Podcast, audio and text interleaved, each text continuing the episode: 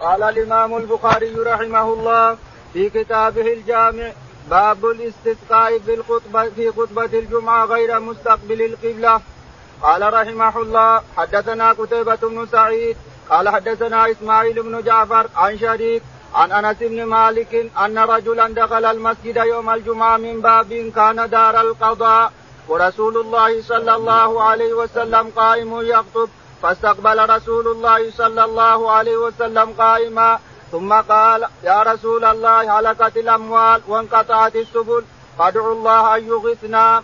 فرفع رسول الله صلى الله عليه وسلم يديه ثم قال اللهم أغثنا اللهم أغثنا. قال أنس ولا والله ما نرى في السماء من سحاب ولا قزعه وما بيننا وبين سلع من بيت ولا دار.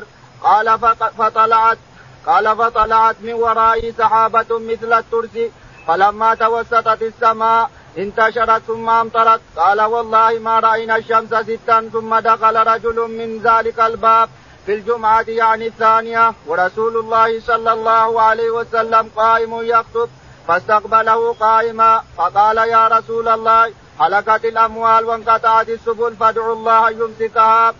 عنا قال فرفع رسول الله صلى الله عليه وسلم يديه ثم قال اللهم حوالينا ولا علينا. اللهم على الآكام والذراب وبطون الأودية ومنابت الشجر. قال فأقلعت وخرجنا نمشي في الشمس قال شريك سألت أنس بن مالك أهو الرجل الأول؟ فقال ما أدري. بسم الله الرحمن الرحيم. الحمد لله رب العالمين. صلى الله على نبينا محمد وعلى آله وصحبه أجمعين. يقول الإمام الحافظ أبو عبد الله محمد بن إسماعيل البخاري رحمه الله في صحيحه يقول باب صلاة الاستسقاء في في البر يعني في مسجد العيد. يصلون الاستسقاء في مسجد العيد أو يستسقون يستسقي الإمام وهو يخطب. وهنا استسقى الإمام وهو يخطب. فأما أن يستسقي الإمام وهو يخطب خطبة الجمعة أو أنه يخرج بالناس إلى الصحراء يستسقيهم هذه حالات الاستسقاء حالتين لا يزيد عليها شيء. أما بالوتر وغير الوتر فلا. إنما يستسقي الإمام يجي واحد من الجماعة يا يا يا إمام إن نحن هلكت الجوع ادعوا الله والناس يامنون إن تدعوا يا الإمام حنا نأمن. فيدعو الإمام والناس يامنون يمطرون إذا أراد الله تعالى وتقدس يمطرون. هذه سنة الرسول عليه الصلاة والسلام. يقول البخاري حدثنا قتيبة بن سعيد. قتيبة بن سعيد. قال حدثنا إسماعيل بن جعفر. إسماعيل بن جعفر قال عن شريك بن أبي نمر. عن شريك بن عبد الله بن أبي نمر قال عن أنس بن مالك. عن أنس بن مالك رضي الله تعالى عنه أن بدأ أن اعرابيا دخل الرسول عليه الصلاة والسلام يخطب ملقن وجهه الناس. ظهره إلى القبلة ووجهه إلى الناس لأن وجه الإمام لازم يكون إلى الناس والناس ينظرون إليه. ويخطب والناس ينظرون إليه المأمومين ينظرون إليه جالسين ينظرون إلى الإمام ماذا يقول ويؤمنون على دعاء ويصلون على الرسول عليه الصلاه يقول دخل أعرابي فقال يا رسول الله هلكت الأموال وذهبت الأنفس يدعو الله أن يغيثنا. ما ما, ما عندنا عشب الحين ولا عندنا والغنم هلكت والمراعي هلكت فرفع يديه عليه الصلاة والسلام وقال اللهم اغثنا ثلاث مرات اللهم اغثنا اللهم اغثنا. يقول أنس رضي الله عنه والله ما أرى في السماء شيء. ما أرى لا سحاب ولا شيء ما أرى شيء. لما قال الرسول اللهم اغثنا يقول ما أخذ ما أخذت أخذنا لحظة لحظة من اللحظات الا طلع السحاب مثل الترس. الترس هذا اللي تدرجون به عن السيف. مثل الترس ثم كبرت كبرت كبرت حتى توصلت من المدينة ثم انفجرت بالماء. يقول والله لما انفجرت ان ما ما بقيت ست أيام. ستة أيام وهي منفجرة على المدينة حتى شكوا الناس مرة ثانية. يقول الرسول عليه الصلاة والسلام يخطب وانفجر الماء وكأني أنظر إلى وصف أبو طالب وأبيض يستسقى الغمام بوجهه شمال اليتامى عصمة للأرامل يقول كأني أنظر إلى وجه الرسول وصف أبي طالب بالضبط. حجر المطر على لحيته وعلى وجهه عليه الصلاة والسلام وهو يخطب ثم بقي المطر ستة أيام. يقول والله ما رأينا الشمس ستة أيام. ويقول أنس رضي الله عنه ثم دخل وقال إنه هو الرجل بنفسه كما سيأتي. وسئل أنس عنه فقال لا أدري لكن سيأتي أنه اعترف به بعدين قال هو الرجل. يقول فدخل الأعرابي بنفسه فقال يا رسول الله انقطعت السبل الأودية تمشي انقطعت السبل والناس انقطعوا عن الذهاب والإياب فادعوا الله أن يرفعها عنا فرفع عليه الصلاة والسلام يديه وقال اللهم حوالينا ولا علينا اللهم على الضراب والآكام وبطون الأودية ومنابت الشجر. الآكام هي الجبال الصغيرة والضراب الجبال اللي أكبر منها قليل. جبل لكنه يسمى ضرب وجمع ضرب. الضراب هي اللي أكبر من الآكام. الآكام الجبال الصغيرة. والضراب الجبال اللي أكبر منها قليلا على الجبال وعلى مراتع البدو وعلى مراتع الغنم وعلى اللهم حوالينا ولا علينا. يقول فانجابت السحابة التي كانت تمطر انجابت عن المدينة حتى صارت المدينة زي الإكريم. يعني حلقه مثل الحلقة صار السحاب مثل المدينة صارت فوقه صار فوقها السحاب مثل الاكليل يعني مثل الحلقة من الدوارة اللي هو طلعت الشمس. يقول فطلعت الشمس حينئذ. يقول الرسول عليه الصلاة والسلام إنه استسقى وحول رداءه حين استسقى خطب الناس وحول رداءه ووجهه إلى الناس. حول رداءه ووجهه إلى الناس. وسيأتينا خلافات كثيرة في هل حول رداءه أو ما حوله وهل حوله مستقبل القبلة أو حوله مستقبل الناس. كل هذا وردت في البخاري تاتينا روايات تاتي نعم. قال فأقلعت وخرجنا نمشي في الشمس. قال فأقلعت وخرجنا نمشي في الشمس. يوم دعا الرسول أنها تنجاب إنجابت نعم باب الاستسقاء على المنبر. قال رحمه الله حدثنا مسدد. قال حدثنا أبو عوانة عن قتادة عن أنس قال بينما رسول الله صلى الله عليه وسلم يخطب يوم الجمعة إذ جاءه رجل فقال يا رسول الله قهط المطر فادعوا الله أن يسقينا فدعا فمطرنا فما كدنا أن نصل إلى منازلنا فما زلنا نمطر فما زلنا نمطر إلى الجمعة المقبلة.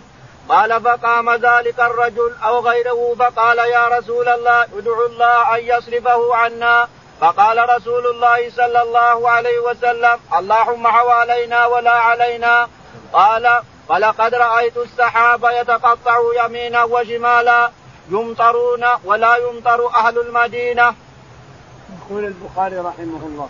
حدثنا باب الاستسقاء على المنبر. باب الاستسقاء على المنبر. يعني فوق المنبر وأنت تخطب الإمام يخطب وعلى المنبر يستسقي. يمد يديه ويستسقي رب العالمين تعالى وتقدس. يقول حدثنا مسدد بن مسدد. قال حدثنا أبو عوانة. أبو عوانة. قال عن قتادة. عن قتادة. قال حدثنا أنس بن مالك. أنس بن مالك رضي الله عنه قال قال بينما رسول الله صلى الله عليه وسلم يخطب يوم الجمعة جاءه رجل فقال يا رسول الله قد قحط المطر فادعوا الله أن يسقينا. يقول أنس رضي الله عنه يكرر ما سبق البخاري رحمه الله من احاديث أنس ومن السندات التي وردت عليه. إن أنس قال إن الرسول بينما هو يخطب دخل رجل فقال يا رسول الله هلكت المواشي وهلكت الناس ادعو الله أن يسقينا. فمد يديه عليه الصلاة والسلام وهو مستقبل بالناس مستقبل الناس.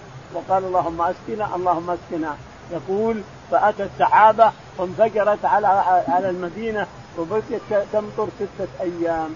ثم جاء الأعرابي أعتقد أنه هو يقول. أنس يقول إنه هو الأعرابي. قال يا رسول الله انقطعت الأودية وانقطعت السبل والعاد يقدر يمشي يروح ورجع من الماء يدعو الله أن يرفع عنا.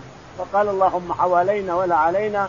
اللهم على الضراب والآكام وبطون الأودية ومنابت الشجر ومراتع البادية إلى آخره يقول فانجابت السحابة وتقطع السحابة اللي فوق المدينة حتى صارت على مثل الدوارة نعم. فمطرنا فما كدنا ان نصل إلى منازلنا فما مطرنا لما نزل المطر أول ما نزل ما كنا نصل إلى منازلنا من سرعة المطر اللي أتى به رب العالمين تعالى وتقدس استجابة لرسوله عليه الصلاة والسلام. فقام ذلك الرجل أو غيره فقال يا رسول الله فادعوا الله أن يصرفه عنا. فقال رسول الله صلى الله عليه وسلم اللهم حوالينا ولا علينا. يقول إن الرجل اللي جاء يجوز أن يكون هو يجوز أن يكون غيره. المهم أنه طلب من الرسول والرسول يخطب عليه الصلاة والسلام فيه أن الناس إذا قحطوا أو أرادوا أن يرفعوا سحاب أن مطر أنهم يأتي الإمام واحد منهم ويكلموه ويخطب. فالإمام يدعو الله تعالى وتقدس أن يسقيهم أو يدعو الله أن يرفع المطر عنهم. والناس يأمنون تحته. هو رفع يديه ويدعو والناس رفع يديهم ويؤمنون. علشان يستجيب الله تعالى وتقدس بسرعة إذا كان الإمام يدعو والناس يؤمنون تحته استجاب الله تعالى وتقدس. الشاهد انس يكون إنه جاء هذا الرجل أو غيره فقال ادعو الله أن يرفعه عنا. فقال الرسول اللهم حوالينا ولا علينا. اللهم على الضراب والآكام وبطون الأودية ومراتع الفاتحة. نعم. قال قد رأيت السحابه يتقطع يمينا وشمالا يقول أنا قد رأيت السحابه يتقطع يمنة ويسرى وفقت إلى المدينة في إكليل يعني في دواره في حلقة. باب من اكتفى بصلاة الجمعة في الاستسقاء قال رحمه الله حدثنا عبد الله بن مسلمة عن مالك عن شريك بن عبد الله عن أنس قال جاء رجل إلى النبي صلى الله عليه وسلم فقال هلكت المواشي وتقطعت السبل فدعا فدعا فمطرنا من الجمعة إلى الجمعة ثم جاء فقال تهدمت البيوت وتقطعت السبل وهلكت المواشي فادعوا الله يمسكها فقام صلى الله عليه وسلم فقال اللهم على الآكام والضراب والأودية ومنابت الشجر فانجابت عن المدينة انجاب الثوب. يقول البخاري رحمه الله باب باب من استسقى في يوم جمعة. من اكتفى. من استسقى أو استسقى كل واحد. من استقى يعني من استسقى في يوم الجمعة. هنا من السقيا في يوم الجمعة ويخطب في صلاة الجمعة. يخطب لصلاة الجمعة وجاءه رجل يطلب منه أن يدعو الله أن يسقيهم فقال اللهم اسقنا اللهم اسقنا في نفس الصلاة نفس صلاة نفس الخطبة خطبة الجمعة معنى هذا أن الرسول عليه الصلاة والسلام جمع بين الخطبة والاستسقاء جمع بين الجمعة وخطبة الجمعة والاستسقاء جمع في في خطبة واحدة. نعم. قال قال السند حدثنا عبد الله بن مسلمة. يقول البخاري رحمه الله حدثنا عبد العزيز بن مسلمة قال حدثنا عن مالك بن أنس. عن مالك بن أنس قال عن شريك بن عبد الله. عن شريك بن عبد الله بن أبي نمر قال عن أنس بن مالك. عن أنس بن مالك رضي الله عنه قال قال جاء رجل إلى النبي صلى الله عليه وسلم فقال فقال حلقت المواشي وتقطعت جاء رجل النبي عليه الصلاة والسلام فقال هلكت المواشي وانقطعت السبل فادعوا الله أن يغيثنا. فرفع يديه عليه الصلاة والسلام وقال اللهم اسقنا اللهم اسقنا ثلاث مرات. يقول أنس فانجابها جاءت سحابه فانجابها دورت على المدينة ثم أمطرت والرسول يخطب عليه الصلاة والسلام. ثم بقيت تمطر ستة أيام ما رأينا ستا.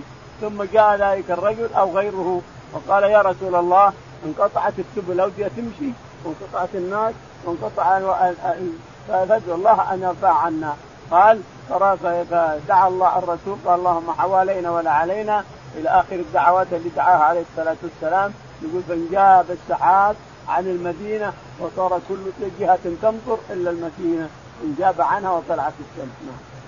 باب الدعاء إذا تقطعت السبل من كثرة المطر. قال رحمه الله قال حدثنا إسماعيل قال حدثني مالك عن شريك بن عبد الله بن أبي نمر عن أنس بن مالك قال جاء رجل إلى رسول الله صلى الله عليه وسلم فقال يا رسول الله هلكت المواشي وانقطعت السبل فادعوا الله فدعا رسول الله صلى الله عليه وسلم فمطروا من جمعة إلى جمعة فجاء رجل إلى رسول الله صلى الله عليه وسلم فقال يا رسول الله تهدمت البيوت وتقطعت السبل وهلكت المواشي فقال رسول الله صلى الله عليه وسلم اللهم على رؤوس الجبال والآكام وبطون الأودية ومنابت الشجر فانجابت عن المدينة انجاب الثوب. يقول البخاري رحمه الله باب باب الدعاء إذا إذا تقطعت السبل باب الدعاء إذا تقطعت السبل يعني الأودية تمشي ولا حد يقدر يمشي من الأودية. أودية الماء تمشي ولا حد يمشي من الأودية.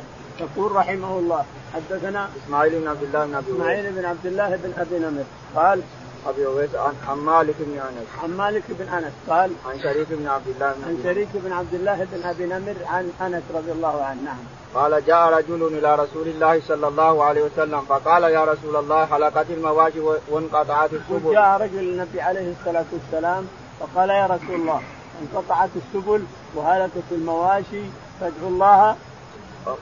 انقطعت السبل فادعوا الله فدعا رسول الله فمطروا من جمعة إلى جمعة. يقول فمطر هذا أول الاستسقاء.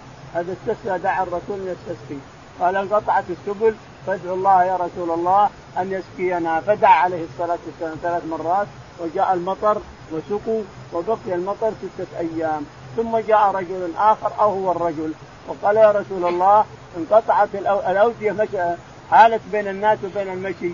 وانقطعت الناس عن الاتصال بعضهم ببعض فادعوا الله أن يمسكها عنا. فدعا الرسول عليه الصلاة والسلام أنها على الضراب والاكام اوديه وانجابت عن المدينة حتى خرجوا يمشون بالشمس. نعم. باب ما قيل إن النبي صلى الله عليه وسلم لم يحول رداءه في الاستسقاء يوم الجمعة. قال رحمه الله قال حدثنا الحسن بن بشر قال حدثنا معافى بن عمران عن الأوزاعي عن سعد بن عبد الله عن أنس بن مالك أن رجلا شكا إلى النبي صلى الله عليه وسلم حلق المال حلق المال وجهد وجهد العيال فدعا الله فدعا الله أن يستسقي ولم يذكر أنه حول رداءه ولا استقبل القبلة. يقول البخاري رحمه الله حدثنا باب ما قيل إن النبي صلى الله عليه وسلم لم يحول رداءه باب ما قيل إن النبي عليه الصلاة والسلام لم يحول رداءه يعني أنه ما حول الرداء والصحيح أنه حوله. لكن الرواية عند البخاري متناقضة. يقول رحمه الله يعني هنا يوم الجمعة قال. ها؟ يعني في في استسقاء يوم الجمعة ما حول رداءه قال. لم لم يحول رداءه في الاستسقاء يوم الجمعة. في الاستسقاء يوم الجمعة.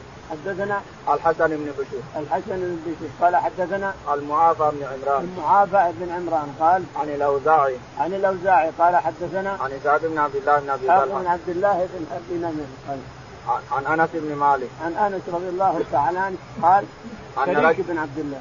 نعم. ولا إسحاق؟ لا إسحاق بن عبد الله بن أبي طلحة.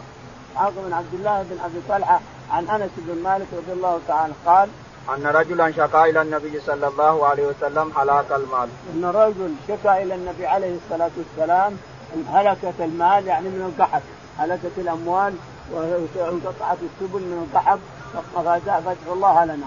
فدعا الرسول عليه الصلاة والسلام رفع يديه وهو في خطبة الجمعة واستسقى ولم يحول رداءه يقول لأنه في جمعة لأنه يخطب في جمعة ما هو في استسقاء.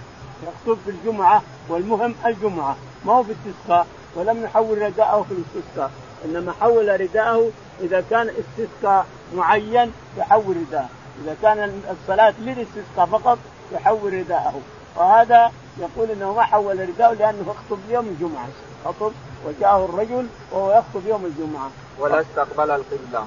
ولا استقبل القبلة أيضا. ما حول الرداء ولا استقبل لأن الخطبة خطبة الجمعة متجه للناس والناس متجهين له. نعم. باب إذا استشفعوا إلى الإمام ليستثني لهم لم يردهم. قال رحمه الله حدثنا عبد الله بن يوسف قال أخبرنا مالك عن شريك بن عبد الله بن أبي نمر عن أنس بن مالك أنه قال جاء رجل إلى رسول الله صلى الله عليه وسلم فقال يا فقال يا رسول الله حلقت المواشي وتقطعت السبل فادعوا الله فدعا الله فمطرنا من الجمعة إلى الجمعة فجاء رجل إلى النبي صلى الله عليه وسلم فقال يا رسول الله تهدمت البيوت وتقطعت السبل وهلكت المواشي فقال رسول الله صلى الله عليه وسلم اللهم على ظهور الجبال والآكام وبطون الأودية ومنافذ الشجر فانجابت عن المدينة انجياب الثوب. يقول البخاري رحمه الله حدثنا باب إذا استشفعوا إلى الإمام ليستثني لهم لم يرد رحمه الله من الفقه من الترجمة يقول باب إذا استشفع الناس بالامام وهو يخطب الجمعة أن يسقيهم أن يطلب لهم السقيا فإنه يستجيب لهم. يعني يدعو الله والناس يؤمنون. يقول حدثنا عبد الله بن يوسف. عبد الله بن يوسف. قال حدثنا مالك. مالك بن أنس. قال حدثنا عن شريك بن عبد الله. شريك بن عبد الله بن أبي نمر. قال عن أنس بن مالك. عن أنس رضي الله عنه. قال أنه قال جاء رجل إلى رسول الله صلى الله عليه وسلم فقال يا رسول الله هلكت المواشي وتقطعت السبل يقول, الله. يقول أنس رضي الله عنه إنه دخل رجل على النبي عليه الصلاة والسلام المسجد والرسول يخطب من وجهه للناس. فقال يا رسول الله هلكت المواشي وانقطعت السبل والغنم ماتت والأنعام ماتت فادعو الله أن يسقينا. فمد عليه الصلاة والسلام يديه وهو يخطب يعني جعلها سقيا سقيا وخطبة. فقال اللهم اسقنا اللهم اسقنا. فجاء المطر في ساعته. في ساعة استجابة لله رب العالمين من الله لرسوله عليه الصلاة والسلام. فجاء المطر لساعته. ثم أمطرت أمطرت أمطرت أمطرت حتى يقول يوم السبت. يوم الربوع الجاي والخميس اللي أعضاء ستة أيام. وهي تمطر تمطر حتى دخل رجل آخر فقال يا رسول الله انقطعت السبل من الأودية الأودية تمشي والناس ما قدرت تتصل بعضهم بعض ادعو الله أن يرفع عنا فقال اللهم حوالينا ولا علينا. هذه الاستسقاءات وهذه اللي اوردها البخاري رحمه الله هي واحدة فيما يظهر. ما هو مرتين ما جاء أعرابي مرة يستسقي الرسول أو جاء الأعرابي مرة ثانية يستسقي. الظاهر والله أعلم أن الحالة هذه مرة واحدة. دخل الأعرابي فاستسقى فدعا الرسول سقيا. ودخل الثانية فقال ارفع عنا فدعا الله أن يرفع عنا. هذه مرة واحدة. لا أدري هل حصل مرة ثانية من أعراب أيضا أو أن هذه البخاري رحمه الله يكررها لنا بسندات غير السندات الأولى. أو أن أعرابي آخر لما أنه قحطوا أيضا وجاء يسأل الرسول جائز هذا. لكن ما ورد أن هناك مرة ثانية وأن أعرابي جاء مرة ثانية والرسول يخطب وأن الرسول استسقى مرة ثانية. ما ورد ما تكرر. ما قيل إن هذا مرة سوى انه مكرر. ما قالوه نعم. باب إذا استشفع المشركون بالمسلمين عند القحط قال رحمه الله حدثنا محمد بن كثير قال حدثنا سفيان قال حدثنا منصور والأعمش عن أبي الضحى عن مسروق قال أتيت ابن مسعود ابن مسعود فقال إن قريشا أبطأوا عن الإسلام فدعا عليهم النبي صلى الله عليه وسلم فأخذتهم سنة حتى هلكوا فيها وأكلوا الميتة والعظام. فجاءه أبو سفيان فقال يا محمد جئت تأمر بصلة الرحم وإن قومك هلكوا فادعوا الله فقرأ فقرأ فارتقب يوم تأتي السماء بدخان مبين ثم عادوا إلى كفرهم فذلك قوله تعالى يوم نبطش البطشة الكبرى يوم بدر. قال أبو عبد الله وزاد أسباط وزاد أسباط عن منصور فدعا رسول الله صلى الله عليه وسلم فسقوا الغيث. فأطبقت عليهم سبعا وشكى الناس كثرة المطر. قال اللهم حوالينا ولا علينا. فانحدرت السحابة عن راسه فسقوا الناس حولهم. يقول البخاري رحمه الله باب باب إذا استشفع المشركون بالمسلمين عند القحط. بالمسلمين. استشفع المشركون بالمسلمين. يقول يا مسلمين ادعوا لنا نحن اصبنا بالقحط. واصبنا بكذا واصبنا بكذا. ادعوا لنا. فالمسلمون يستجيبون لهم. يدعون الله تعالى وتقدس أن الله يرحمهم. لأن في بهائم رضع مرتع وصبيان رضع ما لهم ذنب المشركون الأوائل ذنبهم لكن الذنب عم حتى الأطفال وحتى البهائم وحتى كي. الذنوب تعم حتى الأطفال وحتى البهائم. ولكن إذا أتونا نستشفع لهم وندعو لهم ربنا تعالى وتقدس ندعو الله لهم. نستجيب لهم لأن ربنا وربهم واحد. ربنا وربنا تعالى وتقدس واحد. يقول البخاري رحمه الله حدثنا محمد بن كثير. محمد بن كثير العبدي. قال حدثنا سفيان. قال حدثنا منصور بن المعتمر. منصور بن المعتمر. قال والأعمش. والأعمش قالوا عن أبي الضحى. عن أبي الضحى مسلم. قال عن مسروق بن الأجدع. عن مسروق بن الأجدع. قال قال آتيت ابن مسعود فقال إن قريشا أبتغوا عن الإسلام فدعا عليهم النبي صلى الله عليه وسلم فأخذتهم سنه حتى هلكوا فيها وأكلوا الميتة والعظام. ابن مسعود رضي الله عنه يقول أتيت ابن مسعود فقال يحكي حالته مع الرسول عليه الصلاة والسلام حين كان محصورا بين الركنين الرسول يصلي بين الركنين هنا ما ما ما خرج ما هاجر إلى الآن يقول إن الرسول عليه الصلاة والسلام دعا على الناس دعا على قريش بسني كسني يوسف. تعرفون سني يوسف أنه سبع. الملك رأى أن سبع عجاف تأكل سبع تأكل سبع ثمان فسني يوسف هذه يضرب بها المثل. فقال الرسول اللهم سني كسني يوسف. فاستجاب الله له فصاروا سنة كاملة لا يجدون غنم ولا يجدون عش ولا يجدون وهلك الأطفال وهلك الرجال وهلك الناس. فجاء أبو سفيان هو رئيس قريش. جاء أبو سفيان فقال يا محمد أنت تأمر بصلة الرحم وقومك هلكوا من الجوع هلكوا من الجوع ادعو الله أن يغيثهم. فقال اللهم أغثهم اللهم أغثهم.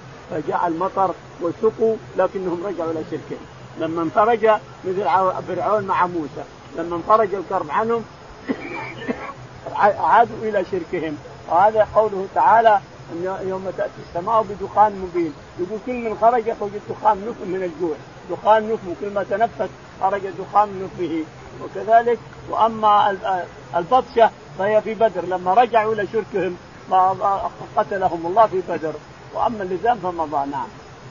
قال أبو عبد الله وزاد اثبات عن منصور فدعا رسول الله صلى الله عليه وسلم فسقوا الغيث فأطبقت عليهم سبعا وشكى الناس.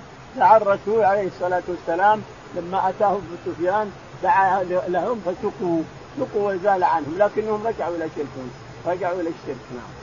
باب باب باب الدعاء إذا كثر المطر حوالينا ولا علينا قال رحمه الله حدثنا محمد بن أبي بكر قال حدثنا معتمر عن عبيد الله عن ثابت عن أنس قال كان النبي صلى الله عليه وسلم يخطب يوم الجمعة فقام الناس فصاحوا فقالوا يا رسول الله قحط المطر واحمرت الشجر وهلكت البهائم فادعوا الله أن يسقينا. فقال اللهم اسقنا مرتين وايم الله وايم الله ما نرى في السماء قزعة من سحاب فنشأت سحابة وأمطرت. ونزل عن المنبر فصلى. فلما انصرف لم تزل تمطر إلى الجمعة التي تليها. فلما قام النبي صلى الله عليه وسلم يخطب ساه إليه تهدمت البيوت وانقطعت السبل. فادعوا الله فادعوا الله يحبسها عنا. فتبسم النبي صلى الله عليه وسلم. ثم قال اللهم حوالينا ولا علينا. فقشطت المدينة فجعلت تمطر حولها ولا تمطر بالمدينة. قطرة فنظرت إلى المدينة وإنها لفي مثل إكليل. يقول البخاري رحمه الله حدثنا باب الدعاء إذا كثر المطر حوالينا ولا باب علينا. باب الدعاء إذا كثر المطر أن يقول حوالينا ولا علينا. إلى آخر الحديث. يقول رحمه الله حدثنا محمد بن أبو بكر محمد بن أبي بكر بن حزم. قال حدثنا معتمر بن سليمان. معتمر بن سليمان. قال حدثنا عبيد الله العمري. عبيد الله العمري قال عن ثابت. عن ثابت البناني قال عن أنس بن مالك. عن أنس بن مالك رضي الله تعالى عنه. نعم. قال كان النبي صلى الله عليه وسلم يخطب يوم الجمعة فقام ناس فصاحوا فقالوا يا رسول الله قحط المطر مطر واحمرت الشجر. يقول إن الرجل الرسول عليه الصلاة كان يخطب فقام ناس. هذه رواية. ناس جو وقالوا للرسول هلكت المواشي وهلكت الأنعام فادعوا الله أن يغيثنا. اللي في الصحيحين كما ورد سابقا أنه رجل واحد دخل وقال يا رسول الله هلكت المواشي ادعوا الله لنا. فقال الرسول اللهم اغثنا اللهم اغثنا. فجاء المطر في ساعته المطر جاء في ساعته استجابة من الله لرسول عليه الصلاة والسلام. فمطروا ستة أيام. ستة. من اليوم اللي خطب الرسول الجمعة إلى الجمعة التي إلى الخميس. إلى الخميس اللي بعده. والمطر يمطر ولم يروا الشمس ستة أيام. نعم. فلما قام النبي صلى الله ولم تزل تمطر إلى الجمعة التي تليها فلما قام النبي صلى الله عليه وسلم يخطو صاحوا إليه. تهدمت البيوت وانقطعت السبل فادعوا الله يحبسها عنا. فتبسم النبي صلى الله عليه وسلم ثم قال اللهم حوالينا ولا علينا فقشطت المدينة فجعلت تمطر حولها ولا ولا تمطر بالمدينة قطرة فنظرت إلى المدينة وإنها لفي مثل الإكليل. هذا البخاري رحمه الله جمع الناس اللي طلبوا من الرسول. جمعهم في السقيا وجمعهم في انزراج السيل انزراج المطر. يقول جاءوا الرسول وقالوا له هلكت المواشي وانقطعت السبل فاستغفر الله لنا فدعا لهم. فجاء المطر واستمر من الجمعة إلى الجمعة. ثم جاء ناس هؤلاء الناس والرسول يخطب فقالوا ادعوا الله أن يرفع عنا. ما نسمع خلاص الأودية تمشي والناس تقطعت فيما بينهم فادعوا الله أن يرفع عنا. فدعا عليه الصلاة والسلام مد يديه ودعا اللهم حوالينا ولا علينا اللهم على الضراب والآثام إلى آخر الدعاء. ثم قال انس رضي الله عنه رأيت المطر انجاب السحاب كله ينجاب عن المدينة ويمطر حوالي المدينة يمنه ويسرى والمدينة كأنها في حلقة كأنها في كليل ما يجيها شيء عليها الشمس ما يجيها مطر. طلعت علينا الشمس يقول أنس نعم. باب الدعاء بالاستسقاء قائما. قال وقال لنا أبو نعيم عن زهير عن أبي إسحاق خرج عبد الله بن يزيد الأنصاري وخرج معه البراء بن عابد وزيد بن أرقم رضي الله عنهم فاستسقى فقام بهم على رجليه على غير منبر فاستغفر ثم صلى ركعتين يجهر بالقراءة ولم يؤذن ولم يقم. قال أبو إسحاق ورأى عبد الله بن يزيد النبي صلى الله عليه وسلم. يقول البخاري رحمه الله حدثنا باب الدعاء في الاستسقاء قائما. باب الدعاء في الاستسقاء قائمة. حدثنا وقال لنا أبو نعيم. وقال لنا أبو نعيم نعم. عن زهير بن معاوية. عن زهير بن يعني علق الحديث. عن زهير بن معاوية قال عن أبي إسحاق السبيعي. عن أبي إسحاق السبيعي قال قال خرج عبد الله بن يزيد الأنصاري وخرج معه البراء بن عازب وزيد بن أرقم رضي الله عنهم فاستسقى فقام خرج من الأول. عبد الله بن يزيد. عبد الله بن يزيد أيوه نعم عبد الله بن يزيد. وخرج معه البراء بن عازب وزيد بن أرقم. وزيد بن أرقم. خرجوا إلى الصحراء يستسقون نعم. فاستسقى فقام بهم على رجليه على غير منبر.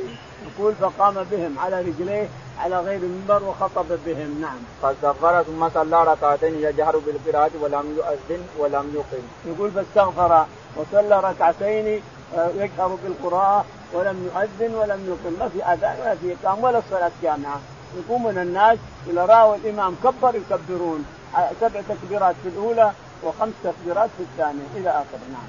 قال أبو إسحاق ورأى عبد الله بن يزيد النبي صلى الله عليه وسلم. يقول أبو إسحاق ورأى النبي عليه الصلاة والسلام. عبد الله بن يزيد رأى النبي الأنصار. رأى النبي عليه الصلاة والسلام. كما رأى عبد الله بن زيد بن عاصم نعم. قال رحمه الله حدثنا أبو اليمان قال أخبرنا شعيب عن الزهري قال حدثني عباد بن تميم أن عم عن عمي عبد الله بن زيد بن عاصم قال وكان من أصحاب النبي صلى الله عليه وكان من أصحاب النبي عليه الصلاة والسلام صاحب صاحب الوضوء مشهور صاحب الوضوء نقل الوضوء عن الرسول عليه الصلاة والسلام نعم. أخبره أن النبي صلى الله عليه وسلم خرج بالناس يستسقي لهم فقام فدعا الله قائما. أخبرهم أن النبي عليه الصلاة والسلام خرج بالناس يستسقي فدعا لهم قائما عليه الصلاة والسلام وخطب قائما وصلى بهم ثم خطب قائما.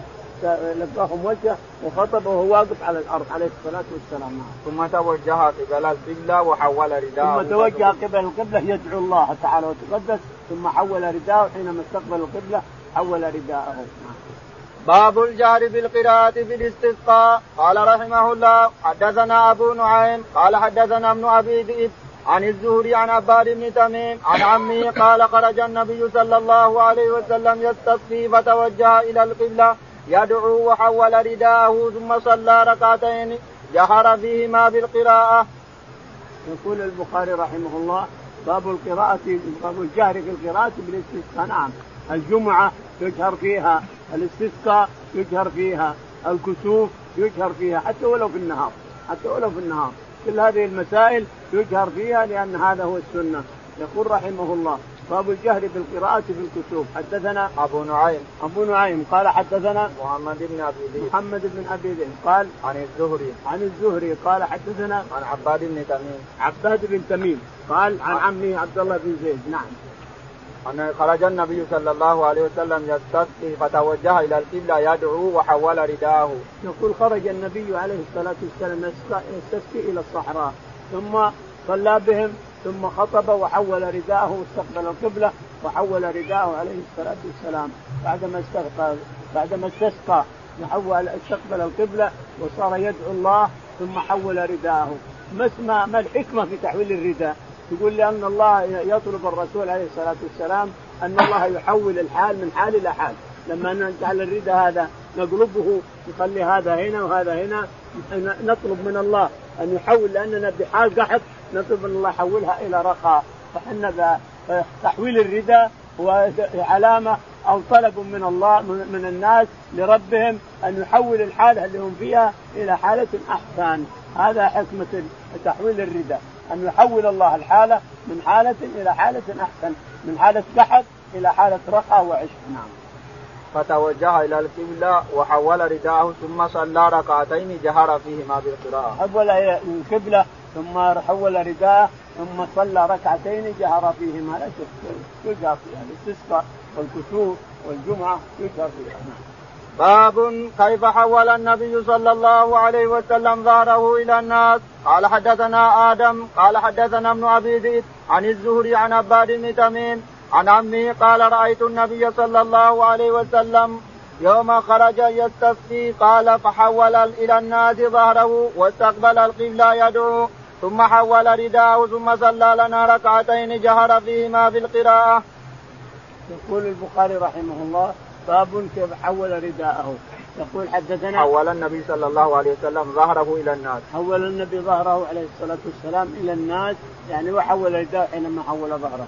حدثنا آدم بن أبي ياس. آدم بن أبي ياس. قال حدثنا ابن أبي ذئب. ابن أبي ذئب. قال عن الزهري. عن الزهري. قال عن عباد بن تميم. عن عباد بن تميم. قال عن عمه. عن عمه عبد الله بن زيد بن عاصم أن النبي عليه الصلاة والسلام خرج بالناس يستسقي فصلى ركعتين ثم أول خطب الناس. أول خطب الناس ووجهه إليهم. ثم بعد ذلك حول رداه ثم صلى بهم ركعتين ووجهه إلى القبلة وحول رداه ووجهه إلى القبلة.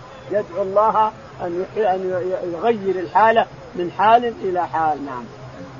باب صلاة الاستسقاء ركعتين. قال رحمه الله حدثنا قتيبة بن سعيد قال حدثنا سفيان عن عبد الله بن أبي بكر عن عباد بن تميم عن عمي أن النبي صلى الله عليه وسلم استسقى فصلى ركعتين وقلب رداءه. يقول البخاري رحمه الله باب باب صلاة الاستسقاء ركعتين. باب صلاة الاستسقاء ركعتين يعني لا تزيد عن ركعتين. حدثنا قتيبة بن سعيد. قتيبة. قال حدثنا سفيان الثوري. سفيان الثوري قال عن عن عبد الله بن أبي بكر. عن عبد الله بن أبي بكر قال عن عباد بن تميم. عن عباد بن تميم. عن عمه عبد الله بن زيد قال أن النبي صلى الله عليه وسلم استسقى فصلى ركعتين وقلب رداءه. أن النبي عليه الصلاة والسلام استسقى وصلى ركعتين ثم قلب رداءه ثم خطب الناس بعد ذلك. باب الاستسقاء في المصلى. قال رحمه الله حدثنا عبد الله بن محمد. قال حدثنا سفيان عن عبد الله بن أبي بكر. سمع رك... سمع عباد بن تميم عن أمي قال خرج النبي صلى الله عليه وسلم إلى المصلى. يستسقي واستقبل القبلة فصلى ركعتين وقلب رداه. قال سفيان فأخبرني المسعودي عن أبي بكر قال جعل اليمين على الشمال. يقول البخاري رحمه الله باب باب الاستسقاء في المصلى. الاستسقاء في المصلى. يعني مصلى العيد يستسقي الإنسان في يقول حتى القرية اللي عندها مصلى عيد بر مصلى عيد وطلب منهم ان يستسقي الإمام وتستسقي الجماعة يطلعوا إلى مصلى العيد ويستسقي بهم الإمام ثم هم يؤمنون ثم يصلي بعدما يصلي ركعتين يخطب. الناس خطبته ثم يحول يستقبل القبلة ويحول رداءه. وهكذا كان فعل الرسول عليه الصلاة والسلام. يقول حدثنا عبد الله بن محمد. عبد الله بن محمد قال حدثنا سفيان الثوري. سفيان الثوري قال عن عبد الله بن أبي بكر. عن عبد الله بن أبي بكر قال أنه سمع عباد بن تميم عن عمه. أنه سمع عباد بن تميم عن عمه عبد الله بن زيد بن عاصم. يقول قال خرج النبي صلى الله عليه وسلم إلى المصلى. يستسقي واستقبل القبلة فصلى ركعتين وقلب رداءه. يقول خرج النبي عليه الصلاة والسلام يستسقي يعني في مصلى العيد. يستسقي فصلى ركعتين ثم بعد ذلك خطب الناس وقلب رداءه. ووجهه إلى القبلة يستسقي. أما الخطبة فلازم يكون وجهه إلى الناس. فإذا انتهت الخطبة يحول وجهه إلى القبلة ويدعو الله تعالى وتقدس ثم يقلب رداءه ومحوله. محول القبلة لأن الله تعالى وتقدس يغير الحال من حال القحط إلى حال الرخاء. قال سفيان فأخبرني المسعودي عن أبي بكر قال جعل اليمين على الشمال. يقول الثوري سفيان الثوري يقول أخبرني المسعودي أنه جعل اليمين على الشمال يعني اليمين هذه جعلها هنا واليسار جعلها يسار معروفه القلب الردة معروف إنك تقلبه الإنسان تجعل هذا هنا وهذا هنا. باب استقبال القبلة في الاستسقاء قال رحمه الله حدثنا محمد قال أخبرنا عبد الوهاب قال حدثنا يحيى بن سعيد قال أخبرني أبو بكر بن محمد أن عباد بن تميم أخبره أن عبد الله بن زيد الأنصاري أخبره أن النبي صلى الله عليه وسلم خرج إلى المصلى يصلي وأنه لما لما دعا أو أراد أن يدعو استقبل القبلة وحول رداءه قال أبو عبد الله ابن زيد قال عبد الله ابن زيد هذا مازني والأول كوفي هو ابن يزيد. يقول البخاري رحمه الله حدثنا باب الاستق... باب استقبال القبلة في باب استقبال القبلة في الاستسقاء. حدثنا محمد بن سلام. محمد بن سلام البيكندي قال عبد الوهاب الثقفي. عبد الوهاب الثقفي قال يحيى بن سعيد الأنصاري. يحيى بن سعيد الأنصاري.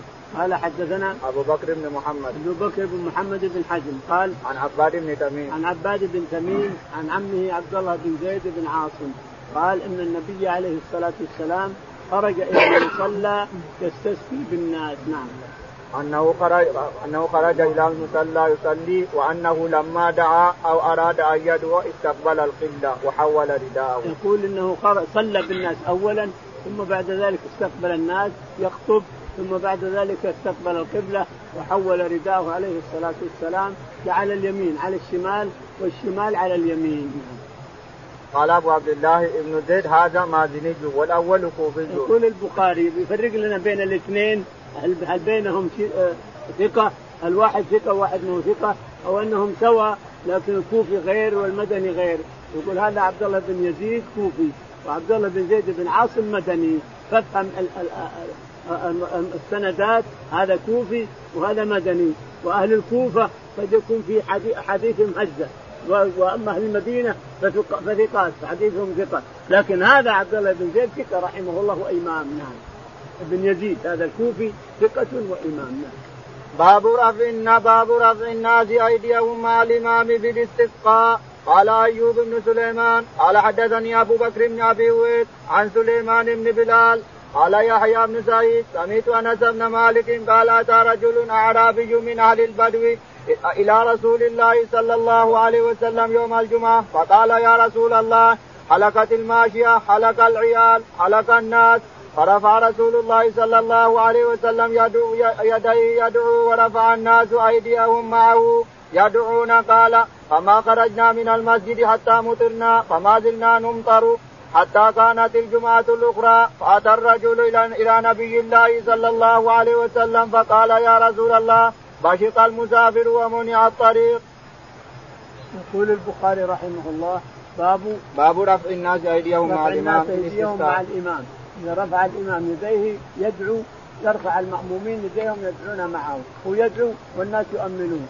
وأما أنهم يدعو هو ويدعو وكل واحد يدعو الناس هذا ما حصل.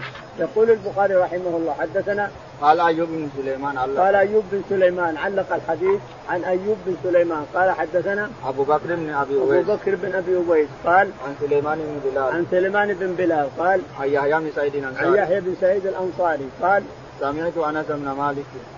نعم. سمعت أنس بن مالك قال أتى رجل أعرابي من أهل البدو إلى رسول الله صلى الله عليه وسلم يوم الجمعة فقال يا رسول الله هلكت الماشيه هلك العيال.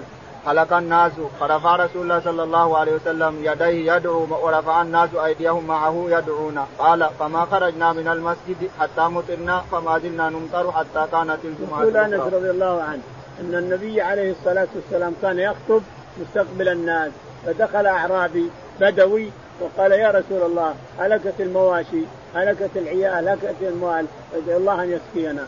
فرفع عليه الصلاة والسلام يديه اللهم اسقنا اللهم اسقنا ثلاث مرات. يقول فاتى المطر ونحن والرسول في المنبر. أتى المطر وصب والرسول في المنبر حتى بقي المطر ستا. يقول نعم. يدعو يدعو ورفع الناس أيديهم. يقول يدعو الله رب العالمين في السقيا. اللهم اسقنا هكذا. اللهم اسقنا اللهم اسقنا. ثم الناس يدعون مادين يديهم الناس إلى الله يدعون يعني يؤمنون ولا ما حد داعي لنفسه. دعاء الرسول يكفي عليه الصلاة والسلام. الرسول يدعو ونحن والصحابة يؤمنون عليه رضي الله عنهم. والرسول يدعو يكفي دعاء الرسول والصحابة يؤمنون كل الجماعة رافعين أيديهم إلى السماء يدعون الله تعالى وتقدس. فاستجاب الله لهم وأتى بالمطر ستة أيام. نعم. فما زلنا نمطر حتى كانت الجمعة الأخرى فأتى رجل إلى إلى نبي الله صلى الله عليه وسلم فأتى الرجل إلى فأتى الرجل إلى إلى نبي الله صلى الله عليه وسلم فقال يا رسول الله بشق المسافر ومنع الطريق. يقول أنس رضي الله عنه فما زال المطر ينزل ينزل ستة أيام حتى دخل البدوي نفسه أو مثله بدوي آخر وقال يا رسول الله بشق يعني هلك هلك الأولاد وهلكت المواشي وانقطعت السبل ما نقدر ما يصل بعضنا بعض من المطر ادعو الله أن ينزعها عنا يكف المطر عنا فدعا اللهم حوالينا كما وردت الدعاء. اللهم حوالينا ولا علينا. اللهم على الضراب والاكام وبطون الأودية ومنابت الشجر إلى آخره. أن جابت السحابه كلها عنهم نعم. باب رفع الإمام يده بالاستسقاء. قال رحمه الله حدثنا محمد بن بشار. قال حدثنا يحيى وابن أبي عدي عن سعيد عن قتادة عن أنس بن مالك قال كان النبي صلى الله عليه وسلم لا يرفع يديه في شيء من دعاء الله في الاستسقاء وإنه يرفع حتى يرى بياض إبطيه. يقول البخاري رحمه الله باب رفع اليدين في الاستسقاء، اليدين ما هو يد واحدة، باب رفع اليدين في الاستسقاء، يقول حدثنا باب رفع الإمام يده في الاستسقاء. لا يديه، باب رفع الإمام يديه، يد واحدة لا، رفع اليدين من باب الاكتفاء. من باب اذا ذكر واحدة فمعناها الثانية موجودة. من باب الاكتفاء. باب رفع الإمام يديه في الاستسقاء. حدثنا محمد بن بشار. محمد بن بشار. قال حدثنا يحيى بن سعيد القطان. يحيى بن سعيد الأنصاري. قال وابن أبي عدي. وابن أبي عدي. قال عن سعيد بن أبي عروبة. عن سعيد بن أبي عروبة. قال عن قتادة. عن قتادة. قال حدثنا أنس بن مالك. عن أنس بن مالك رضي الله عنه أن النبي عليه الصلاة والسلام بينما هو يخطب دخل أعرابي فشكى إلى الرسول القحط فقال الرسول اللهم اسقنا ورفع يديه هكذا حتى رأينا بياض إبطيه عليه من شدة الرفع فرفع والناس يؤمنون على رفعه. اللهم اسقنا اللهم اسقنا. فجاءت السحابه ومطر الناس ستة أيام أو قال سبعة أيام. ما رأينا الشمس ستة أيام أو قال سبعة. نعم. وعن أنس بن مالك قال كان النبي صلى الله عليه وسلم لا يرفع يديه في شيء من دعائه إلا في الاستسقاء يقول أنس رحمه الله أن النبي عليه الصلاة والسلام لا يرفع يديه في شيء من الادعيه إلا في الاستسقاء لكن ورد أنه بعد النافلة بعد النافلة رفع يديه يدعو عليه الصلاة والسلام ورد عن عمر بن الخطاب وعائشة وأبي موسى الأشعري أن النبي عليه الصلاة والسلام رفع يديه يدعو لكن بعد النافلة. الفريضة لا. الفريضة لها أدعية خاصة وأذكار خاصة. أما النافلة فورد عن عائشة وأبي موسى وعمر بن الخطاب رضي الله عنهم أن النبي رفع يديه يرفع ويدعو ثم مسح وجهه بهما. هذا ورد عن أبي موسى الأشعري وعائشة وعمر بن الخطاب رضي الله عنهم. نعم. باب ما يقال إذا أمطرت. وقال ابن عباس كصيب المطر وقال غيره صاب وأصاب يصوب. قال رحمه الله حدثنا محمد هو ابن مقاتل أبو الحسن المروزي قال حدثنا عبد الله قال أخبرنا عبيد الله عن نافع عن القاسم بن محمد عن عائشة أن رسول الله صلى الله عليه وسلم كان إذا رأى المطر قال صيبا نافعا تابعه القاسم بن قاسم بن يحيى عن عبيد الله ورواه الأوزاعي ووقيل عن نافع. يقول البخاري رحمه الله باب باب باب ما يقال إذا أمطر. باب ما يقال إذا أمطر المطر وصب صبيبا أنه يقال صيبا نافعا. صيب يعني غزيرا نافعا. يعني صيب كثير ونافع وغير غير ضار. نافعا غير ضار. عاجل غير آجل كما في السقيا التي وردت طويلة. يقول حدثنا وقال ابن عباس كصيب. وقال ابن عباس كصيب نافع. نعم. وقال غيره صاب أو وأصاب يصوب هذا من بعد ما بالتصريف صاب يصيب واصاب من الصيب يعني الكثير الغزير، الصيب هو الكثير الغزير الماء اللي يصب صب. قال حدثنا محمد بن مقاتل. قال حدثنا محمد بن مقاتل أبو الحسن المروزي. قال حدثنا عبد الله بن المبارك. عبد الله بن المبارك. قال حدثنا عبيد الله العمري. عبيد الله العمري. قال عن نافع. عن نافع عن عن القاسم بن محمد. عن القاسم بن محمد. عن عائشة. عن عائشة رضي الله عنها. ان أن رسول الله كتب شاتين